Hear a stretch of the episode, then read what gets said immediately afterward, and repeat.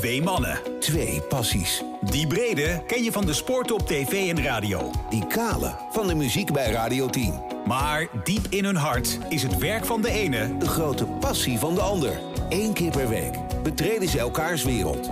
Welkom bij Overspel, de podcast. Met Henry Schut En Lex Gaarthuis. Ja, waarbij de, de, de tegenstelling niet groter kan zijn deze week. Ik zit hier met wallen tot onder mijn oksels in een uh, bedond studiootje in Hilversum. Uh, in verband met overname van uh, de ochtendshow bij, bij Radio 10. Nou, de, ik heb daar vier dagen op zitten. Ik heb dat ooit tien jaar gedaan. Ik snap niet hoe ik dat heb volgehouden. Maar dat terzijde. En aan de andere kant zit onze Henry Schut nog steeds in Alicante in het zonnetje. Ja, Hè? maar er is één overeenkomst, hè? We hebben deze, deze podcast, beste luisteraar, kan sporen van ochtend bevatten. Ja, ja, Het is uh, hier net zo vroeg als bij jou.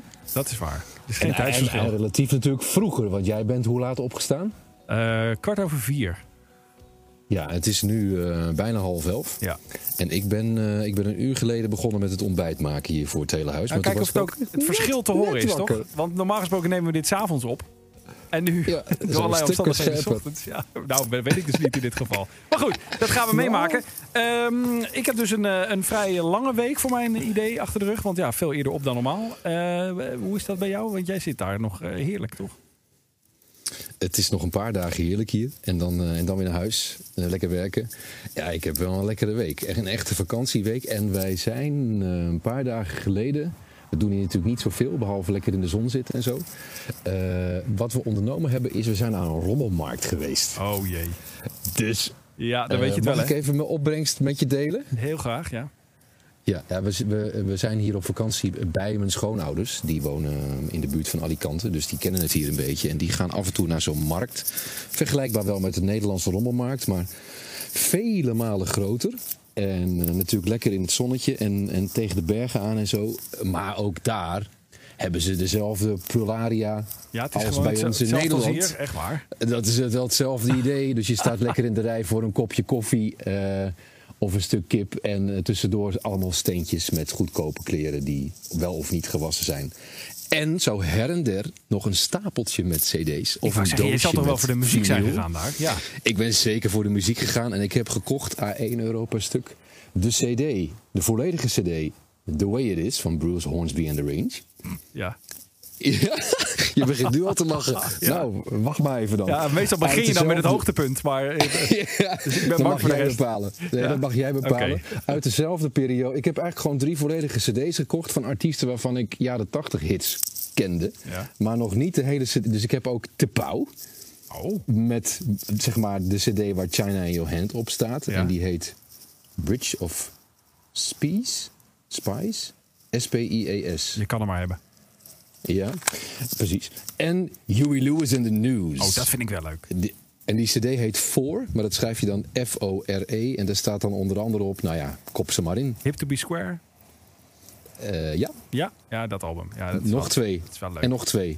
En nog twee. Eh, oh, dit, dit- maar hier, hier, hier ontbreekt dus de scherp. Stuck with You Ja, en, En- The Power of Love. Maar Ah, dan wel de, de, leukste, de leukste editie van The Power of Love. Niet te verwarren met Jennifer Rush, Celine Dion. nee, alsjeblieft. En daar nou niet, eh, ik, ja. had jou, eh, ik had jou toch beloofd dat ik vloeiend Spaans zou spreken? Moet ik dat jingletje al instarten of niet? Ik weet niet wat voor jingletje je Nou, hebt. dat- Oh, nee, nee, Oh, nee, nee. ja, anders is alles, op is alles, daar komen wij op Ja, terug. je zou, ja oké. Eh, ik, ik doe de titel en dan mag jij zeggen eh, wat, hoe het origineel heet. oh my god. Ja. Ik heb een vinyl single gekocht en de Spaanse titel, door de originele artiest ingezongen, luidt Por un año más. What's Another Year van Johnny Logan? In één keer goed. Echt? Applaus. Ah, hey. Van vier uur ochtendshow erop zit, zit er vlammen op die bakken Ja, dan nog dit zo vind ik scherp. echt grote, grote talent. klasse. Nou, Ja, nou vind ik What's Another Year echt een geweldig liedje. Dus ik dacht, die moet ik hebben, al was het maar gewoon voor de hoes.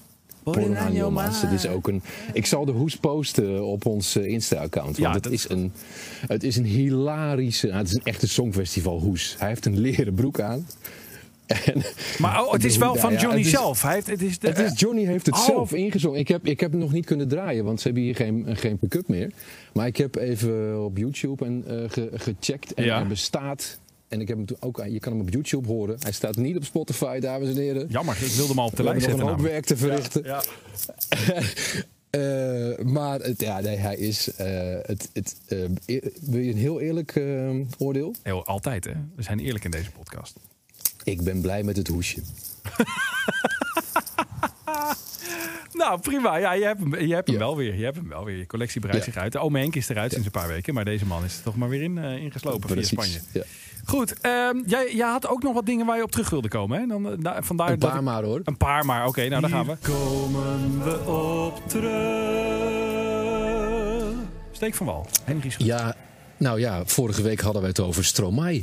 Dat Ja. er nieuw materiaal aan zou komen. En Ja. wat gebeurt er? Hij verrast de hele wereld. Hè, door op dezelfde dag dat Adele, je moet maar durven, met de nieuwe single kwam. Kwam hij ook, maar dan volgens mij, correct me if I'm wrong, totaal onverwacht hè, dropte hij zijn single Santé. Ja, en, en eh, de- over Adele gaan we het later nog hebben. Want daar heb ik ook nog wel wat over te zeggen. Maar eh, ja, Santé. De nieuwe, de nieuwe single van... Nou ja, eh, we hadden het er vorige week over. Hè, dat jij, jij, jij was eigenlijk alleen maar vooral enthousiast. Ik verwachtte briljant. was- Jij verwachtte meer van een- hetzelfde. Nou, ik was een beetje angstig dat het meer van hetzelfde was. Of dat we het niet zouden begrijpen. Maar zeg jij maar, wat vind je ervan? Ja, ik vind het wel zinnig. Maar de- deze man kan wat mij betreft een fluittoon op cd uitbrengen. Vind ik nog goed. Dus het is misschien een vertekend beeld. Maar wat vond Ja. jij ervan? Nou, mijn eerste indruk was... eh, ja, het is eigenlijk meer van hetzelfde. Maar ik vind het heel goed. Ja, het is echt... En dat kan dus ook. Ja. Het kan dus dat je zes jaar verder bent of zeven... en dat het min of meer dezelfde... Nou ja, het heeft toch dezelfde handtekeningen. Het is, het is echt... Je herkent Stromae. Ja, duidelijk. En ehm, heel lekker liedje. Ja. Ja. Zullen we hem op, eh, op de playlist erbij zetten dan? Ja, graag. Oké. Hey, punt 2 van hier Ja. komen wij op terug. Ja, ja, ja, ja. Ik was zo nieuwsgierig. Heb jij nog reacties gehad op jouw badminton-onthulling? Eén. Ja? Ja. eh, die kan ik Doe niet... even in het kort nog hoe het zat. Ja, nou, we hadden het over matchfixing. Eh, Ja. een paar, dat is alweer twee weken geleden, denk ik. Hè? En ehm, eh, toen kwam ik eh, spontaan met eh, een verhaal uit mijn rijke badmintoncarrière. Die niet heel erg succesvol was, maar waarin ik een keer mee mocht met het eerste. En daar kwam in een sporthal in Almere op een zondagochtend een envelopje eraan te pas. Niet in de wedstrijd waar ik in speelde, maar bij een andere, tenminste aan het eind van een reeks wedstrijden. En achteraf, en toen eigenlijk ook al, maar zeker achteraf met de kennis van nu, dacht ik: hey, matchfixing. En ik heb daar inderdaad eh, van iemand van die vereniging, die ik ook niet genoemd heb, die vereniging bewust, maar eh, heb ik een eh, reactie gehad. En die had die vermoedens in die tijd ook bij datzelfde eerste team. Dus het kwam En- niet en- helemaal uit de lucht vallen. En dat ging bij die andere persoon om andere wedstrijden? Of, of Ja. kwam het neer op die enezelfde keer? Nee, dat was niet die, diezelfde keer. Was, er waren andere wedstrijden. Dus dat, ja, dat li- lijkt toch bijna iets stelselmatigs geweest te zijn. Maar ja, Ja. het gaat me dan ook te ver om eh, met naam en toenaam hier eh, allerlei mensen aan de schandpaal te nagelen. Zonder dat ik het zeker weet. En al zou ik het zeker weten, zou, dacht, zou ik nu denken: nou ja, het is en heel lang geleden. En eh, ja, who cares? Dus ja, maar dat is dan misschien ook weer hypocriet. Maar ik, ik voel niet de behoefte om er nog heel ver verder op door te gaan.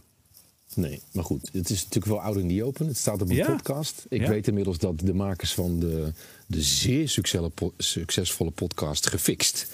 Hè, die ook een aantal onthullingen hebben gedaan... Ja, twee NOS-journalisten eh, dit ook gehoord hebben. En ehm, het is geen belofte, het is ook geen dreigement. Maar eh, eh, als zij doorgaan, want zij hebben na een half jaar nu even pauze... hè, en kijken of ze nog wat kunnen toevoegen Ja. aan wat zij tot nu toe geproduceerd hebben en onthuld. Als zij doorgaan, dan is dit een van de dingetjes die ze meenemen. oh, nou spannend. Ik misschien toch nog een professioneel gemaakt staartje. Ja, gooi die jingle er nog eens in. Hier komen we op terug. Ja, in het kader van je moet wel ergens op terugkomen als je het belooft. Volgens mij vier weken geleden hadden wij het over Ronald Koeman. En toen zei jij... Oh ja, ik was zo bang dat je hierover een week... komen. ik dacht, mooi, hij is er niet meer over begonnen. binnen een week ontslagen. Ja. Nou ben ik het de week daarna ben ik het vergeten. Want toen hadden we Ja, zoveel... daar was ik blij mee. denk iets met een Tony eh, te melden. Dat, eh, dat ik dacht, laat maar. De week daarna dacht ik, nou... Ik denk dat die any moment alsnog eruit vliegt. Dus laat ik mijn mond maar houden. Maar inmiddels zijn we vier weken verder.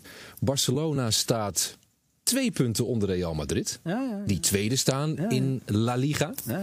Eh, komende zondag spelen ze tegen elkaar. Dus dan kunnen de rollen misschien wel omgedraaid zijn. En je weet het niet. Want gisteren heeft Barça ook zijn eerste overwinning in de Champions League geboekt. Dus ook daar zijn ze eh, eh, in de race. Dus ja, ik denk dat hij er nog wel even zit. Ah, en hij is best wel slim. Heeft hij een aantal mensen om zich heen verzameld die hem ook een beetje beschermen. Hè? Heb ik het idee. Hij doet het sowieso slim, hè, want hij koos frontaal de aanval Ja. eh, toen, toen het erop leek dat hij er elke dag uitgeknikkerd kon worden. Eh, eigenlijk met de strekking, als iedereen nou zijn bek houdt en ons gewoon laat voetballen. En ik wil niet zeggen dat dat letterlijk gebeurd is, maar ja, ik vind het op zichzelf best een slimme aanpak. Nou, en ehm, hij weet ook hoe die hazen lopen binnen die club. Dus hij weet ook precies, heb ik het idee, hè, wat, hij, wat hij aan het doen is. Heel veel mensen zeggen, ja, moet hij dat nou, moet hij dat nou wel doen? Moet hij die documentaire nou wel doen? Moet hij inderdaad hè, die frontale aanval wel kiezen? Maar hij weet natuurlijk als geen ander hoe dat daar werkt. Want Het is, het is politiek bedrijf ook. Eh, Ja. Al hoop ik wel als liefhebber dat, dat hij er binnenkort uit ligt. Of nou binnenkort, dat hij het nog een jaar volhoudt en dan, eh, dat het dan stopt. Want dan kan hij gewoon weer lekker bondscoach worden. Na Van Gaal. Want ik zie op dit moment naast Erik ten Hag, die het denk ik niet gaat doen. Want die zal zich wel te gelden maken op een gegeven moment als hij weggaat bij Ajax. Ja, als die verstandig is. Toch? Dan, eh, Ja. dan, dan zie ik geen andere kandidaat hoor. Waar ik blij van word. Nee. Ja, en, en één ding wat hij natuurlijk ook fantastisch doet, is verwachtingen temperen. Gewoon precies neerzetten, eh, eh, precies vertellen hoe het zit met de kwaliteit van zijn team. Juist. Gewoon zeggen, wij gaan de Champions League zeer waarschijnlijk niet winnen. Eh, dit worden tussenjaren, ja, ik chargeer een beetje. Verwacht er niet al te veel van. En dan is het grappige, dan, dan, dan zie of lees je gisteren dat ze een wedstrijd winnen in de Champions League. En dan denk je toch even, hé, hey, wat knap. Maar Terwijl, ja, aan, het publiek, het is- aan het publiek heeft hij niks. Hè? Want wat een bioscooppubliek zit daar toch bij dat Barcelona. Nou weet ik, Ja. het is vakantie, dus er zitten ook veel toeristen. En dat zitten er altijd bij Barcelona. Maar gewoon zo'n half gevuld stadion met mensen die er zitten. Alsof ze naar een gemiddelde toneelvoorstelling van een amateurvereniging komen kijken. Het, het, het zit met elkaar te kletsen tijdens een Ja, wedstrijd. maar Lex, kom op. Man, Wat zou jij nou doen? man. Maar wat zou jij nou doen als je fan was van die club? Of stel, ik je bent toch het even fan naar- in, in voor- en Nee, ik vertel, En ik vertaal is het het even niet. naar muziek. Jij bent fan van, ik noem een artiest, Nova Star. Die komt volgende maand, ik noem maar wat. Het is maar hè. een voorbeeld. Ik gooi zomaar iets Ja, in de lucht. tuurlijk. Die komt volgende maand met een nieuwe cd. En die vind jij me toch een partij slecht. Ga je dan de komende... Ja, maar vind ik toch anders. Eh, ik vind toch dat die ver- maanden Ja, nee, vind ik toch een concert? Ja, nee, nee oké. Maar ik vind als jij echt. eh, ja, je hebt natuurlijk een verschil tussen een fan en een supporter. Ik vind een supporter is meer in, in, in voor- en tegenspoed. En een fan is meer een mooi weer supporter, laten we het zo zeggen. Toch? En, Ja, bedoel, hebt- een, ja. een, een- als je Feyenoord neemt, dat is een extreem voorbeeld. Maar als je Fey- Feyenoord maakt niet uit. Al staan ze laatste in de eerste divisie, het zit vol. Heb ik het idee altijd hè, bij Feyenoord. Door dik en dun. In goede en slechte tijden. Feyenoord supporter ben je niet voor je lol, zeggen veel Feyenoord supporters ook. En, en bij Barcelona, dat is toch zo'n club. Dat ja, nou ja, mooi weer. Veel, veel mooi weer supporters. Ik wil ze niet allemaal over een kam scheren, maar Ja. Ik vind natuurlijk eigenlijk dat je volkomen gelijk hebt, maar dat is voor de discussie vervelend. het is voor de Je hebt podcast. helemaal gelijk. Ja. Ja, nee, maar het is precies het verschil wat er ook in Nederland bestaat tussen, ik chargeer dan heel erg, maar het is wel zo, tussen de fans van Feyenoord en een groot deel van de fans van Ajax. Natuurlijk niet allemaal, Nee. maar... eh, Nou, inmiddels is elke wordt- wedstrijd van Ajax een soort Champions League avond. Want iedereen denkt nu, nou, daar moeten we ook bij zijn. Je ziet ook Ja. veel, veel van die mensen op die tribune die Ja. denken, ah, Amstelveen is ook een keer uitgelopen, weet je wel. Maar ja, het- Nee, daar is nu het enthousiasme natuurlijk groot. Ja, maar wat er, terecht, maar- Wat er, wat er, wat er eh, zelden in de Kuip zal gebeuren en vaak in de arena... is als een wedstrijd een beetje tegenvalt, dat er boegeroep komt en een Ja. gefluit. ja, ja, ja, ja. En, eh, en in de Kuip heeft men toch veel meer de neiging, het gros, hè, dus ook niet iedereen, er zitten ook exact dezelfde soort supporters tussen, om de club te blijven steunen. ja, absoluut. Eh, ik zag wel een, eh, stuk afgelopen vandaag. weekend bijvoorbeeld nog weer, hè, toen, eh, toen RKC volgens mij de 2-1 maakte. Ja? Eh, toen viel het volledig stil in de Kuip. Gewoon stil. Hè? Dus je ziet de mensen dan, oh, wat gebeurt er nou? Maar vrijwel niemand, tot niemand, floot. Keert zich tegen de ploeg. Ajax in de arena met 2-1 achter zou komen tegen RKC, nou, dan zou je wel wat horen hoor. Dat is, daar heb je absoluut gelijk in. Ik zag wel een mooi stuk eh, over Ajax. Ik dacht dat het in het AD was. Ehm, waarin stond, eh, er is veel veranderd bij Ajax. Negen jaar geleden speelde Dirk Boerichter op de plek van Tadic. Toen dacht ik, ja, dat is ook wel hard gegaan. Niets ten nadele van Dirk Boerichter, overigens. Maar het is toch een verschil, hè? Ja, dat is een hele flauwe vergelijking. Want, ja, ik vond het toch in- Ik denk, oh ja, Derek Boerrichter. Die kwam van RKC Ja, toen volgens Maar mij. je zou ook kunnen zeggen, eh, zoveel jaar geleden speelde Daily Blind op de plaats van Daily Blind. Dus ja, Ja, oké. dit is een minder ja. sappige vergelijking, maar toch. Ik Ja. vond het, eh. Zeg, eh, zullen wij de tos doen? Eh, om- Nee, oh, doe die je hebt nog steeds. God, wat een, wat een stof, hè? De meeste mensen Deze- komen tot rust maar- hè, maar- op vakantie. Maar eh, ja, je ik gaat niet laten liggen. Nee. Ik, ja, ik praat even dwars door je heen, want dat komt een beetje door de verbinding. Voor de mensen die denken dat wij nu al vervreemd zijn van elkaar. Nee hoor.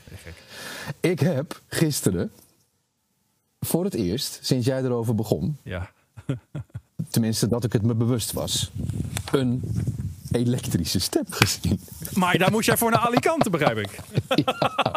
De midlife step heb jij gezien. En, en, en al mag je, al zou ik je duizend keer laten raden, je raadt niet waar. En in welke omstandigheid. Dus ik ga het maar gewoon vertellen. Ik was gisteren bij de Spaanse kapper, de Spaanse barber. De bar- Iedereen die mij de komende, ja, iedereen die mij de komende zes weken tegenkomt, die, die ziet eh, wat er is gebeurd. Ik heb net een fotootje gezien. Ik, is dat het? Ik dacht, je hebt een hele hoge trap daar in Spanje. Daar ben je vanaf gerold. En ehm, het geinige bij, eh, bij deze Spaanse kapper is, ik weet niet of dat bij alle Spaanse kappers is. Normaal als je naar de kapper gaat, dan zit jij recht in de spiegel te kijken en de kapper draait om jou heen, hè, om jou te knippen. Ja, hier is het Bij andersom. deze Spaanse, deze Spaanse kapper draait mij om hem heen. dus, ik, dus, ik zie, dus ik zie gedurende de, de, de knipbeurt alle kanten van de, winkel, van de, van, van de, van de kapperszaak. Ja. Ik zie dus ook de klant naast mij en die daar weer naast. Ik zie eh, hele leuke dingen buiten gebeuren. En op enig moment sta ik een soort van schuin naar achteren. Dus zeg maar ehm, tien over half acht. Ja. En ik kijk recht het eh, opslaghok van de kapper in. Waar nog wat andere spullen staan. En nog een kapmantel en nog een andere stoel. En De midlife een, step. elek- een elektrische step. Met helm natuurlijk. Hè. Weet die hoort erbij. in Nederland doen, maar met erbij. helm. Ja. Wat dus betekent, bij dit eh, zeer klein uitgevoerde door mijzelf eh, onderzoek... dat eh, de elektrische step hier ook populair is onder twintigers. Want er waren op dat moment twee kappers in de zaak. Oh ja, en ja, ja. Die waren allebei niet ouder dan 28. Ja, maar- maar het begin is er. Ja, waarschijnlijk is het zo in Nederland gebeurd dat het eerst populair was bij de twintigers. En dat dan heel veel oude lullen denken, oh, ik kan nog Ja. best hip zijn. Ik koop er ook een. Ik denk dat dat het is. Ja. ja, ik heb er gelijk een meegenomen, dat klopt. Gooi die jingle er nog eens in. Nog een keer? Echt waar? Ik had hem al weggehaald. Nou, daar komt hij hoor. Hier komen we op terug. Een soort flashback-editie van Overspel de podcast. Maar, vertel, moeten- het is tot nu toe toch allemaal leuk even- hoor.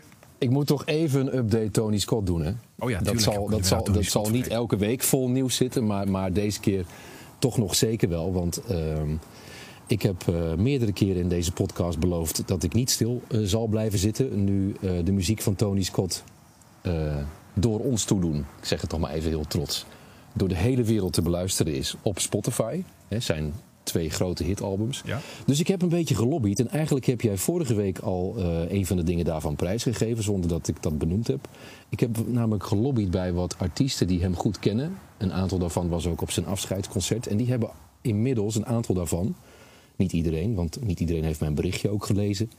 eh, maar een aantal wel, een, eh, een prachtige post gedaan online. Waardoor weer meer mensen weten dat Tony te beluisteren is. Dus ik bedank bij deze even Extins, Baas B en Candy Dulfer. Baas B ook. Ja, Oh. leuk hè? Ja, die, zei, die, zei meteen, die had een prachtige post, want die, die, die, die schreef ook... eh, de muziek van deze grondlegger is nu eh, online te beluisteren. En dat is natuurlijk precies wat het is. Nou, en Wij het- waren gewoon eh, jong en fan, Ja. maar Tony Scott was grondlegger in hip house. Eh, Samen met de Jungle Brothers en Fast Eddie. Nou, en, zijn rapstijl, want ik heb hem natuurlijk de- deze week ook weer een paar keer zelf opgezet in, in de auto. Zijn rapstijl is toch gewoon één op één Ray van Too Unlimited? Of andersom dus, kennelijk. Ja, dat moet dan dus andersom zijn. Ja, Ja, want ja, Ray ja. kwam daarna. Ja. En dat is natuurlijk ook, want hip house was toen nieuw. Hè, een combinatie van hip, hop en house. Tenminste, de house van toen. En eigenlijk kwam daar uiteindelijk de eurodance uit voort. Dat, was, dat was de veel commerciëlere tak. En, nou ja, en eh, de rest is eh, is in, in veel gevallen slechte history. Maar daar hebben we het later misschien nog over. Eh, ik, en ik heb ook een hele... Ik zal even kort houden hoor, want dan kunnen we daarna naar de, de, de nieuwe zaken. Eh, ook leuk in zo'n podcast dat je het ook over iets nieuws hebt. Eh, ik heb, Ja, zeker, eh, ik heb een aantal goed beluisterde playlists ehm, aangeschreven. Dus zeg maar de mensen die op Spotify playlists hebben staan waar duizenden mensen naar luisteren. Ja. Die mensen kan je vaak gewoon terugvinden als je hun naam googelt. Dus ik bedank bij deze voor het plaatsen op hun playlist Mark Coutinho, Ron Soeters, Michiel Taskasap, Marco Ooyendijk, Johan van der Meer, Harry Denenkamp, die namens Harry. de Stichting Nederlandse Top 40 Zo. de top 40 lijsten op Spotify heeft Oh. aangevuld met Tony Scott. En ik wil een speciaal bedankje doen voor een jongen die Nederlands bleek te zijn. Ehm, die heeft namelijk de afspeellijst die de simpele titel draagt Hip Hop 90s. En 90s schrijf je dan gewoon eh, 90, s. Dat bleek een Nederlandse jongen te zijn. Sander Schouten, 18 jaar jong. En die heeft 11.500 luisteraars Zo. wereldwijd. Ja. En eh, die heeft Gangster Boogie eh, toegevoegd aan zijn eh, lijstje. En dat was meteen te merken. Bizar hoe dat liedje ineens de wereld is rondgegaan. Kom ik zo op terug. Want ik wil ehm, de, oude, het oude platenlepel Arcade nog even bedanken. Want die zijn namelijk bezig om de officiële Turn Up The Bass lijsten heel populair ook. Aan te vullen met de liedjes van Tony Scott. En daar komt misschien nog wel wat meer uit. Maar dan kom ik dan eh, een latere editie wel een keer op terug. Ehm, wat wel leuk is om te vermelden is dat in week 2 het aantal streams en het aantal luisteraars en het aantal volgers van eh, Tony's account meer dan verdubbeld zijn. De gemiddelde leeftijd daalt van de luisteraars. Er komen meer jongeren bij. Er komen meer luisteraars onder de 40 bij. Ja. En doe jij eens een gok. Welke van zijn liedjes is het meest gestreamd? De Chief. The Chief, inderdaad. En Get Into It op Boogie 2. op 3. Ja, Get Into It op 2, Gangster Boogie op 3. En dan nog even heel snel, nu ga ik heel snel praten, want anders duurt het echt een uur. Jij zei natuurlijk, toen wij Peter Duikersloot aan de telefoon hadden, dan zouden wij ervoor kunnen zorgen dat de hele wereld Tony Ja, Scott hey, alsnog internationaal succes. Ik Zo heette zei, de vorige aflevering ook. ik zei vorige week al dat 25 landen inmiddels luisteren naar Tony Scott. Alle bekende landen om ons heen hè, en de grote landen, USA Ja. en eh, Engeland. Daar komen deze week bij, bovenop die 25 landen.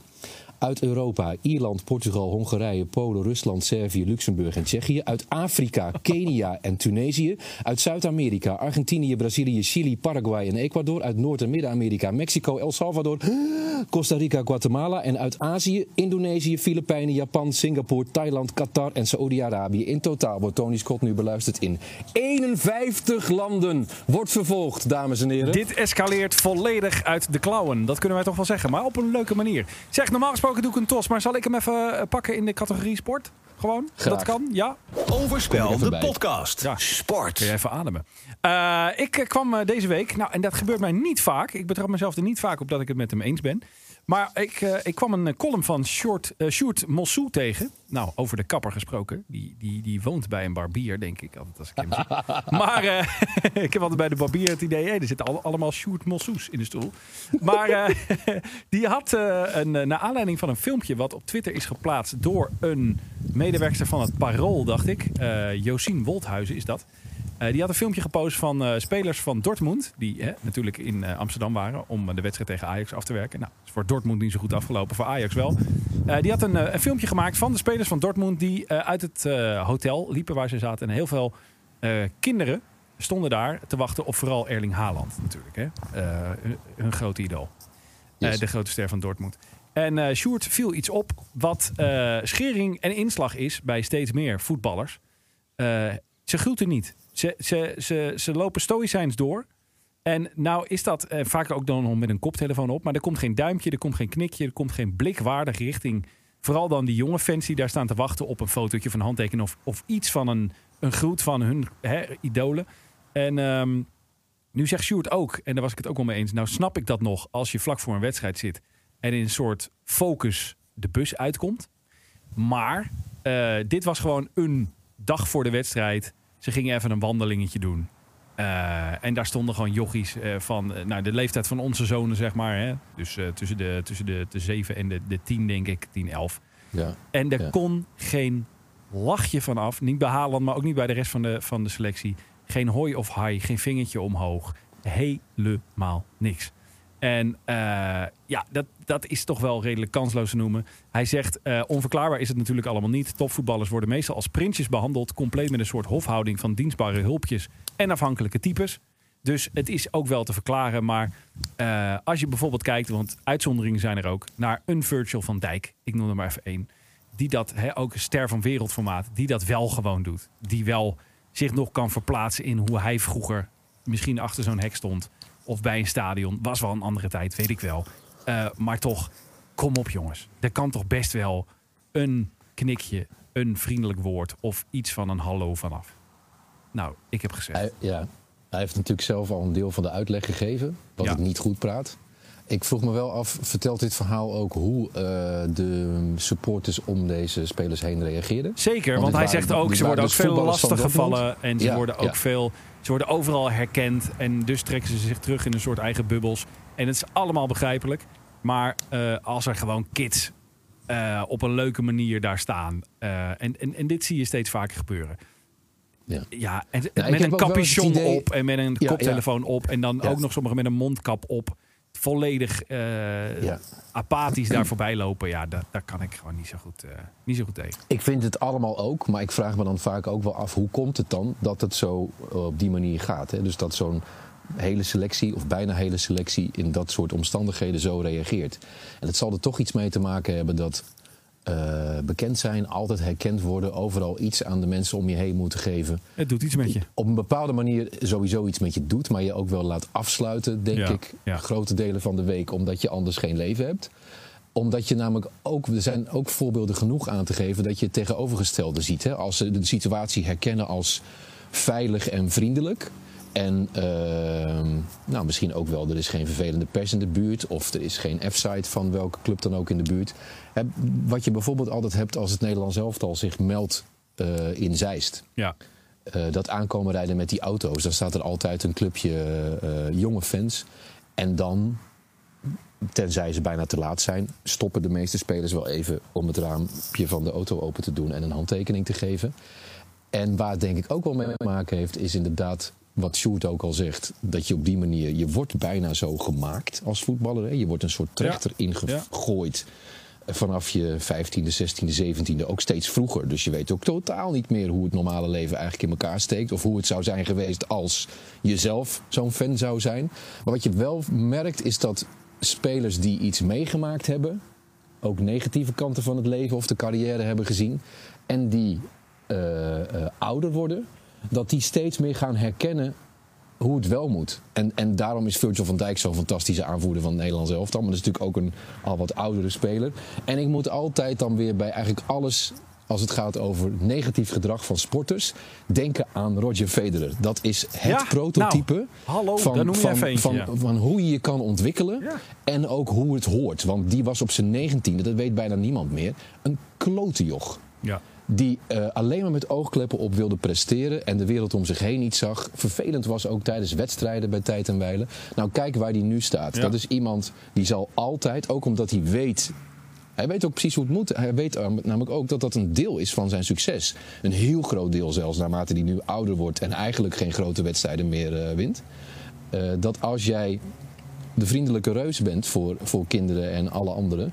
Dat je, dat je nog een, een, een behoorlijk duurzaam einde van je carrière ook kan hebben. Zal die het niet per se voor doen, denk ik. Want volgens mij realiseert hij zich gewoon hoe belangrijk dat is voor iedereen eigenlijk. Hè? Want je hebt het nu over een grootheid. Ja, zelfs eh, zelfs eh, mensen van de media willen met hem op de foto als ze een interview met hem hebben gedaan. Ik ken een foto van Eh. een be- bepaalde presentator van een bepaalde podcast met eh, Roger Federer zelfs. Nee. Sta jij nooit op de foto met Roger Federer? Volgens mij ken ik een foto van jou met Roger. Of ben, ben, haal ik jou nu door de war met iemand Oh, anders? die. Ja, maar die is nep. Is die nep? Ja, die is nep. Oh, ik dacht dat het een echte foto was van jou met Federer, joh. Nee, nee ik, ik Oh. moest al heel diep nadenken. Oh, Dat die is foto moeten we dan rubriek. nou eigenlijk ook even ergens plaatsen op ons Instagram-account. Ja, want die ga ik plaatsen, want die staat nog op mijn eigen Instagram-account. Ja, wel ergens, dus die oh. plaats ik ook wel even op ik onze dacht dat dat, eh, podcast-account. dat het die een is foto nep. was. Oh, you die wish. is, eh, dat, is de, dat, is de, dat is de rubriek van het blad Helden. Ja. Waarin je dus met je held, Oh. met een sportheld, op de foto mag. En ik sta daar inderdaad in pak. Ja. Met Federer samen. Die daar, daar volgens mij dan net de, de Laureus Award eh, heeft eh uitgereikt. ja, op zo'n rode loper de- kan ik mij voor de, de beste sporter ter wereld, ja. Maar wij staan op die foto alsof hij mijn beste vriend is. Ja. En ik dat met hem meevier. Dus eh, ja, misschien had ik toch iemand moeten kiezen uit het verleden... dat het vrij duidelijk was dat dat niet kon. Ja, zo staan mensen ook is met dit Joe. zeg. Jeetje, Ja. mina, ja. Op basis Ja. daarvan ben ik eigenlijk die podcast met je aangegaan. Ik dacht, ja, hallo, hij kent zelfs eh, Roger. Maar goed, oké. ik nou denk ja. trouwens dat ik, ik, ben, ik denk dat ik wel een keer in een ver verleden met Roger op een foto heb gestaan. Maar dat was dan meer.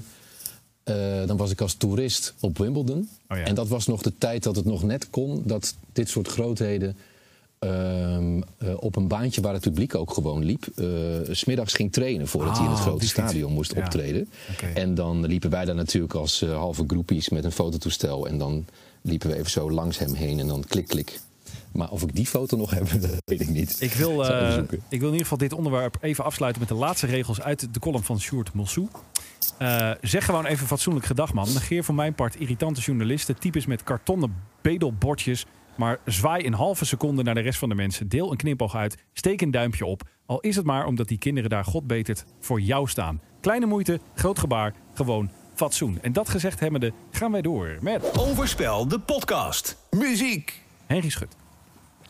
Deze week las ik op het Instagram-account van Too Unlimited. Ja. Want die bestaan nog, hè? Die zijn eh, inmiddels in eh, versie 4, zou je kunnen zeggen. Nou, versie 5 misschien Ah, wel. Want wel, ja. versie 1 Vijf of was ja. twee producers. Versie 2 was de bekende versie, de hitmachine met Ray en Anita. Toen kwamen twee zangeressen.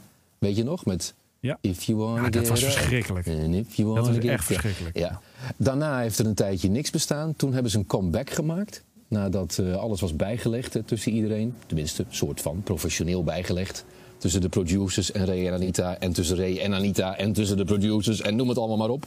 En op een bepaald moment is Anita daar weer uitgestapt. Toch weer met, ja, weet jij het? soort van ruzie. Ja, nee, ruzie, bonje. Ja. Ja, eh, waarover precies ben ik alweer kwijt, want het was de zoveelste.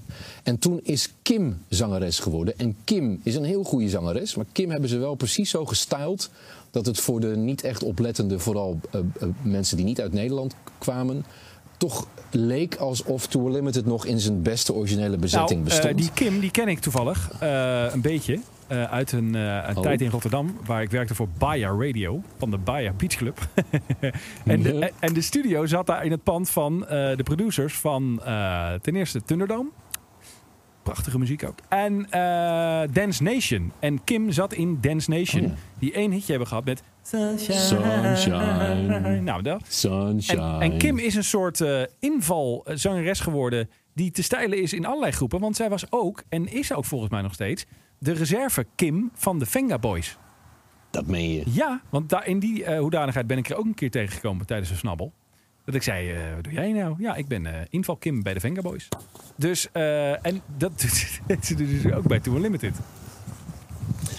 Nou, maar d- dat deed ze inderdaad bij Ja. Tour Limited. Want dat zei jij, hè? Dat, want ze is deze week eh plotsklaps na een optreden gestopt.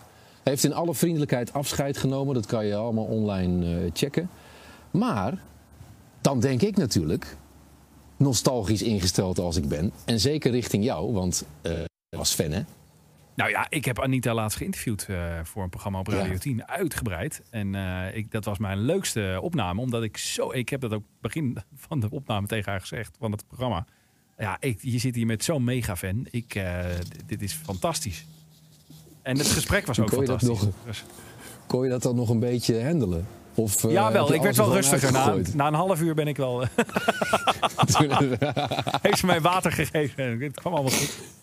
Ja, maar goed, om mijn zin even af te maken. Ik dacht natuurlijk, zou, zou het is nu eh, exact 30 jaar na de eerste hit, hè? eigenlijk hebben ze een topjubileum. Zou Ray nu het aandurven en willen om Anita te vragen om het toch nog één keer te proberen? Ja, ja, ja, ja. is dit een retorische vraag of eh, wil je hier eh, een mening van mij over Nee, ik, hebben? stel, nee, ik stel hem gewoon eerst aan jou. Jij hebt er dus laatst gesproken. Je hebt Ja. ook nog een, daarna een, een de, de, de, daarna zit is ook een podcastje van Ja. de tien van. Klopt. Ik heb dat gehoord, dus ik weet een beetje het antwoord al. Maar jij kan haar iets meer doorgronden misschien, omdat je tegenover hebt gezeten, Ja. dan wat ze letterlijk zegt. Omdat ik toch ook elke keer zelf wel, nu vul ik het al een beetje in, wel steeds denk, ja, je bent wel negatief en ik snap het ook. Ik snap alles wat je zegt.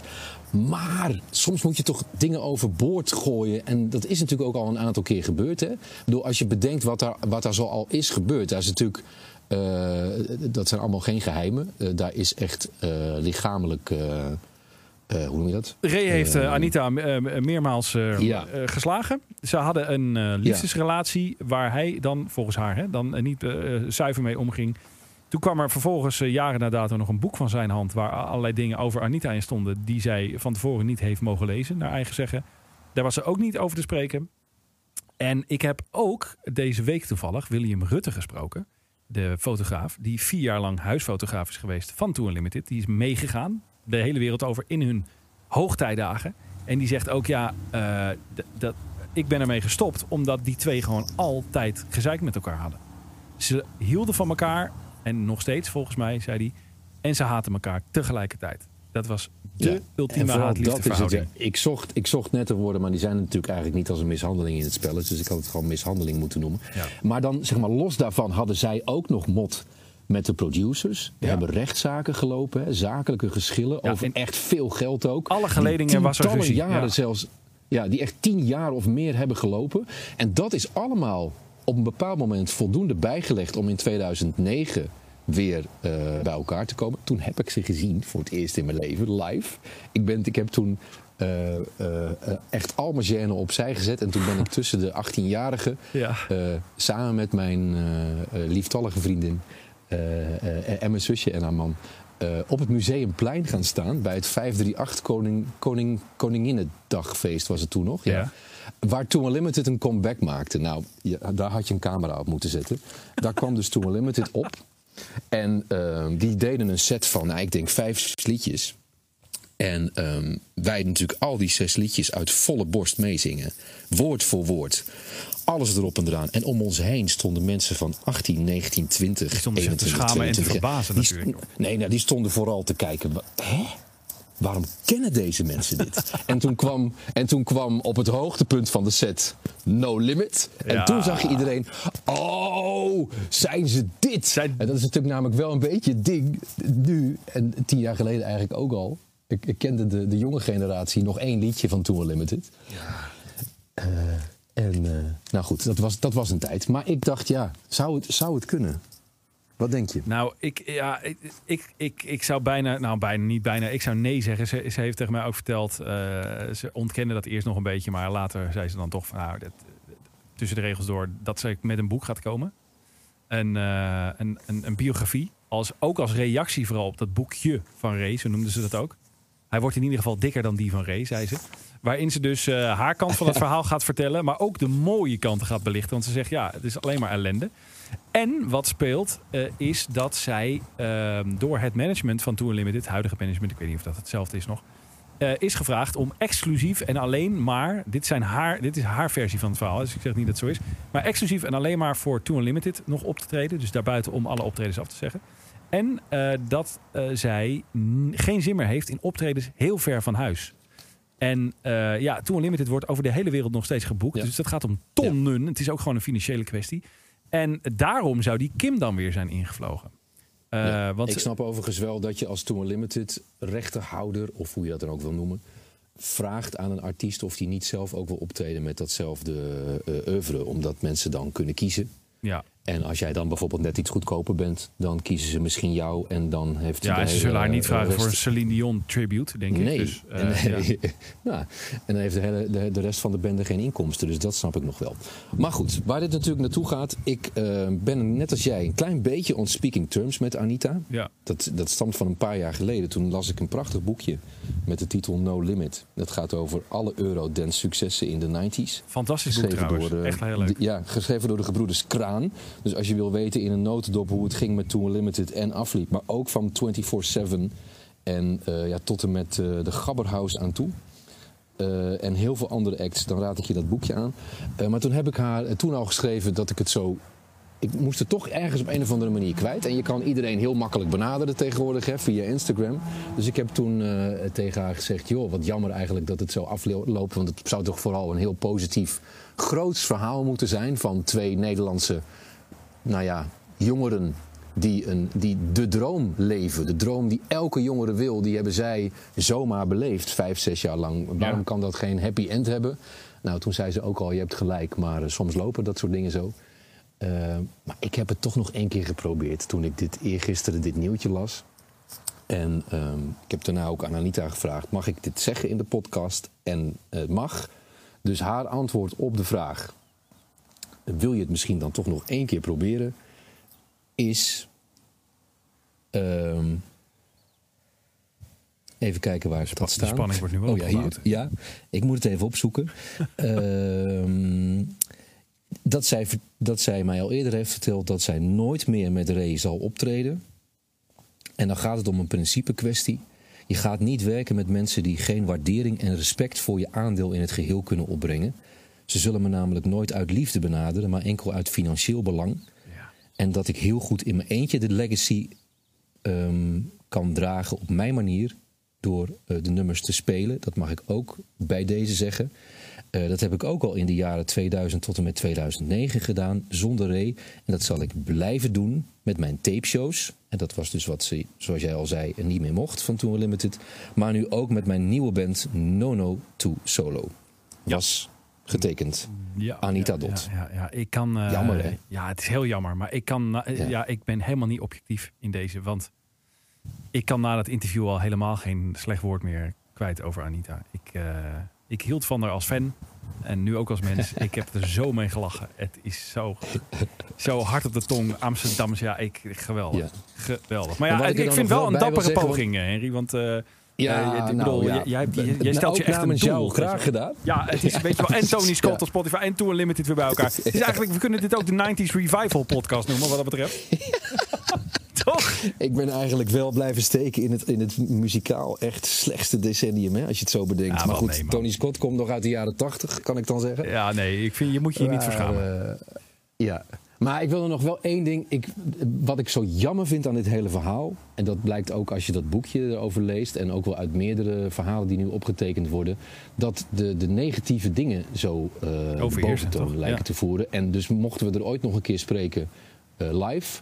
Laten we dan ook vooral naar de positieve dingen vragen. Nou ja, daar, daar wil ze dus mee komen nieuwsgierig. in dat boek ook, hè? Ja, precies. Want ik ben het meest nieuwsgierig naar gewoon naar wat heb je gezien van de wereld? Wie heb je ontmoet? Hoe ging dat nou eigenlijk echt toen jullie Michael Jackson zagen? Nou, zal ik, Of zal ik eens spraken, vertellen wat haar... of- Want die, die vraag heb ik haar ook gesteld in de radio-uitzending. Weet je waar, waar, waar zij de meest warme herinnering aan had? Welke ontmoeting? De, Nou? de broer van Shanice van I Love Your Smile. Als we dan toch in de 90s zitten. Ja. Daar was zij helemaal verliefd op. Die had ze gezien in de videoclip. En toen zij net groot werden met Tour Limited. Toen kwam ze erachter. Oh shit, ik ontmoet al mijn idolen. Nou vond ze Shanice sowieso heel tof. Maar ze was dus verliefd op eh, eh, de broer van Shanice. Daar kwam ze later achter. De jongen uit de clip van I Love Your Smile. Daar was ze verliefd op. En dat bleek dus, bij een optreden kwam ze Shanice tegen. Bleek de broer van Shanice te zijn. En daar bewaarde ze toch wel de warmste herinnering aan. Terwijl ze heeft ook Michael Jackson ontmoet. Enzovoort, enzovoort. Maar eh, nou ja, goed. Om, om ook maar op die vraag dan antwoord te geven. Ja. Maar er zijn veel meer mooie verhalen inderdaad. En we hopen ja, dat we die of een keer live kunnen optekenen... of in dat boek dan kunnen lezen. Dat zou mooi zijn. Kunnen wij ook videoclips op ons Spotify-lijstje zetten? Eh, dat weet ik niet.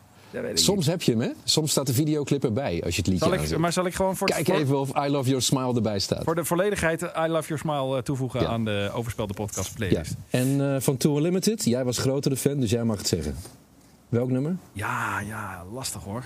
Ehm, ik heb in de uitzending eh, toen Faces gedraaid, omdat ik die fantastisch vond, Ja. maar niet meer zo vaker hoor. Ehm, ik vind Maximum, ja, Maximum Overdrive vind ik dus waanzinnig. Maar is niet, is niet de grootste hit. Nee, En ik denk ook niet dat jij die zou noemen. dat klopt, dat zou ik niet noemen. Maar ik ik zou Faces noemen, denk ik. Ja, Ja? En dan zullen we dan voor de consensus gaan en Faces, want die vind ik ook waanzinnig. is goed. Oké, Faces komt er ook op. Eh, wij gaan eh, nog even een heel vlug rondje vluggertjes eh, doorpakken. Overspel de podcast. Presenteert de Vluggertjes. En op sportgebied komen we dan uit bij Klaas-Jan Huntelaar. Die snuffelt aan het trainersvak bij de onder 21 ploeg van Vitesse. Notabene, bij Nicky Hofst, de trainer. Daar. Opvallend. Ja, want eigenlijk is dan het grotere nieuws dat we daarmee redelijk zeker nu weten. Wat Dat- hij zelf nooit officieel heeft gezegd. Dat hij echt gestopt is. Nou, hij dook op bij de amateurs laatst, toch? En daar was ook een heel Ja. ding over dat de inschrijving niet klopte. Dus dat, gaf het ook al een beetje weg. Maar inderdaad, eh, als hij nu aan het trainersvak gaat snuffelen. eh, Jij kent hem beter dan ik. Eh, is het een trainerstype? Ik ken hem niet persoonlijk hoor. Eh, maar natuurlijk wel, wel veel gevolgd. Werkmatig, ja. Ik, nou ja, kijk, als je al zag hoe hij het, het publiek nog kon aanjagen als wisselspeler van Ajax als hij ging warmlopen. Of na afloop van die grote Champions League successen van een paar jaar geleden. Dan denk ik wel dat hij het in zich heeft om mensen te enthousiasmeren. En te krijgen waar hij ze wil hebben. Dan eh, hadden we ook nog wat muziekvluggetjes. Eh de opposites komen terug. Big Two en Willem. Was jij, was jij fan? Ik, ik, ik werd hier heel blij van namelijk. ik vind ze heel goed. Ja, toch? Ja, ik vind, ja, ik vind, eh, ik vind het, een paar van hun eigen albums heel goed. Maar wat ik ook erg, daar luister ik de laatste tijd heel vaak naar, is Willems een solo-album. Ja, dat is waanzinnig goed. Dat, Ja, heet, dat dat heet Man in Nood. Dat is eigenlijk een, een, een heel ander geluid. Echt serieus popliedjes, een beetje Ja. down ook. Beetje alternatiever. Waarin hij ook, ja, waarin hij ook zingt. En het totale tegenovergestelde van down is natuurlijk de hit die Big Two nu heeft met Anton. Hoe vind je die? Ja, ja, Hoe dan ook, ik vind je leuk. ja ik, maar ik vind Big Two wel heel grappig. Ik versta hem niet altijd, want hij heeft een beetje raar Hoeft ook een niet. manier van uitspraken. Maar, eh, Hoeft ook niet. Was, en ik ben een keer eh mee geweest op, eh, in die helikopter op Bevrijdingsdag, weet je wel, met de, de, de artiesten Ja. van de vrijheid of de ambassadeurs van de vrijheid. En dat waren zij toen ook. Dus ik heb hun live show vier keer op één dag gezien toen. Ja, live waren ze echt, breken ze alles af. Vind ik ook wel echt een pre hoor, als je de artiesten zo dan ziet. Dus ja, nou ja, goed blij. Ze komen terug met wat reunie-optredens op eh, een aantal festivals. En in de gashouder in Amsterdam op 25 februari aanstaande. Dan nog heel snel even de comeback van Adele bespreken. Ze, gaat, eh, ze heeft een nieuwe single uitgebracht afgelopen week. En er komt een groot comeback interview, 14 november. Een special. Ze wordt geïnterviewd door Oprah Winfrey. Nou, dan weet je het al. Daar zullen weinig kritische vragen eh, aan te pas komen. Maar, en daar gaat ze wat nummers van haar nieuwe album 30 voor het eerst live zingen. Maar ik wilde even weten wat jij van de single vond van Adele. Ik weet het nog niet zo goed. Oh. Ik heb hem een paar keer gehoord. Het is, eh, ja, het is Adele. Ja, nou, maar dat Het had is- ik dus ook. ja. Maar, maar ik had het in een beetje in negatieve zin. Ik dacht, dit had ook een, een albumtrack kunnen zijn van zes jaar geleden. Ik, ik dacht, Ja. deze ken ik Maar- toch ja, al? Ja. Ik, ja, maar ik dacht ook wel gewoon nog even een paar keer beluisteren. Kijken hoe, hoe, het, hoe, hoe die rijpt. Eh, want ja, weet je, het is ook wel een beetje zo. Er zijn eigenlijk twee wereldartiesten op dit moment. Hè, die als een nieuw album uitkomt in- over de hele wereld op één staan. Dat zijn Adele en Ed Sheeran. Ja. En wat Ed Sheeran heel erg wel doet, doet Adele eigenlijk helemaal niet. Ed Sheeran is constant bezig met vernieuwen, eh, eh, andere genres eh, eh, aanstippen. En dan ja, toch weer hit na hit na hit maken. En ik Ja. begin bij Adele nu langzamerhand te denken... als je de hele tijd hetzelfde doet... waarin je wel de allerbeste van de wereld bent... maar hebben we je nieuwe album dan nog nodig? Of kunnen we dan, wat jij ook al zegt... 19 en 21 en 25 Nou ja, we gaan het binnenkort eh, uit meemaken, want dan, eh, dan zit ze bij eh, Oprah en horen we wat meer. Dus dan een oordeel over. Mocht je hem nog niet gehoord hebben, ik zet hem ter volledigheid ook even op onze eh overspelde podcast playlist Easy on Me, de nieuwe van Adele. En dan het sluitstuk van deze podcast. Spotify of Spotify! Ja. Eh, daarin moet ik. Nou, dat is eigenlijk ook nog een korte. Komen we op terug. Want ik kwam vorige week met eh, E-Type. Eh, en toen zei jij, nou, Ja. hij mag op de playlist, maar ik, ik moet hem even horen. En dan als ik volgende week kan ik hem dan nog eraf halen. Eh, heb jij daar een oordeel over kunnen stellen? Ja, ik zal er kort over zijn, want we lopen uit. Ik geef eh, jou het voordeel van de twijfel. Ah, Hij mag erop blijven. Fijn, fijn. Ja. Maar waar kom jij dan mee? deze- is dat iets, heb- iets Ja, van de, van de rommelmarkt? deze- Ik heb, nee, ik heb deze natuurlijk moeten voorbereiden. Want ik dacht, ja, ik ga twee weken op Oh, vakantie. ja, ja, ik moet ja. iets uit mijn muziekkast meenemen. Dus ik heb gepimpampet en ik trok de J. Oh, lastige letter. En toen heb ik uit de kast met cd-singles gegrist. Nou, het had ook de S kunnen zijn, of de I, of de D, of de W. Want het is namelijk Quincy Jones. Featuring L.B. Shore, James Ingram, El DeBarge Zo. en Barry White. Ja, hallo, maar En dit dat is toch... is de- ja. Dan heb je gelijk je hele muziekkast bijeen. Dus Ja. ik vond het best een goede greep. Ken je het liedje The Secret Garden? Nou, niet zo, eh, als jij het nu roept. Oh, Nee. jammer. Nee, Maar dan krijgen we dus een situatie, misschien als die van vorige week. Dat jij dit een weekje maar moet zing eens, laten een landen. stukje, zing eens een stukje voor. ik Ja, heb hier een het is galm. moeilijk. Nee, dat is heel moeilijk. Ah joh. Dat, dat kan ik niet. Oh. Nee, maar ik, ik heb de tekst ik niet eh, paraat. Maar ik, nee, het, ja, ehm jeetje. Ehm, Maar ik zit ook te kijken, want nee, dat gaat me niet lukken. Zeker niet door dat muziekje heen. ik, ik zit ook te kijken of, of, of hij... Oh ja, hij staat wel, hij staat inderdaad wel... ja, hij staat eh, erop. Ja. Sweet Seduction. Sterker nog, er is bij een of andere ehm, jubileumuitgave van Quincy Jones... is er ook nog een nieuwe versie opgenomen. Met Usher en Thick. En nog een keer Barry White en LL Cool J. Eigenlijk ook heel goed. Maar ik zou zeggen, luister jij dat origineel. Ja, maar kijk, En- ik kan natuurlijk hier, ik, ik kan hier nog zo de kenner uithangen. Maar als jij met iets komt van Quincy Jones, Barry White, eh, al die gasten, dan ja, James Ingram. Moet- dat ja, dat, kan, toch, dat kan toch niet heel kut zijn, of wel? Nee, nee, nee, het is gewoon heel goed. En James Ingram, wat een stem. Ja. Nou, weet je wat Dat we doen? is wel- Eh, Er is echt een 0,1% kans dat ik dit volgende week nog van de playlist aftrek. Maar ik ga hem wel beluisteren. Ik, zet- ik heb hem er bij deze opgezet. Want eh, het is wel een, een... Als je dan weer iets uit je kast trekt, het is wel een parel. Bij, op, op naamgebied al. Dus het, dit, dit Absoluut. can go wrong with this. Nou, eh, dan zijn we rond, denk ik, toch? Moet wel, hè? Z- eh, eh, zie ik jou nog een keer de komende weken? Of blijf jij de wereld rondtoeren als wereldster die jij bent natuurlijk? Als, als onder andere manager van Tony Scott. Ja, ik ga eerst even die 51 landen waar Tony beluisterd wordt langs. Ja? En dan kom ik bij je terug. Oké, nou, tot volgend jaar dan. Eh, we leggen sowieso contact. Hoe dan ook eh, is er volgende week weer een overspelde podcast. Check in de tussentijd ons Instagram. Vergeet je niet te abonneren. Kortom, alles wat eigenlijk in deze fijne afsluitende jingle wordt gezegd. Eh, Henry, tot volgende week, jongen. Doei! Dit was Overspel, de podcast. Abonneer je gratis en vergeet niet je recensie achter te laten op jouw favoriete podcastplatform. Meer Overspel met Henry en Lex? Volg de mannen op instagram.com slash overspel de podcast.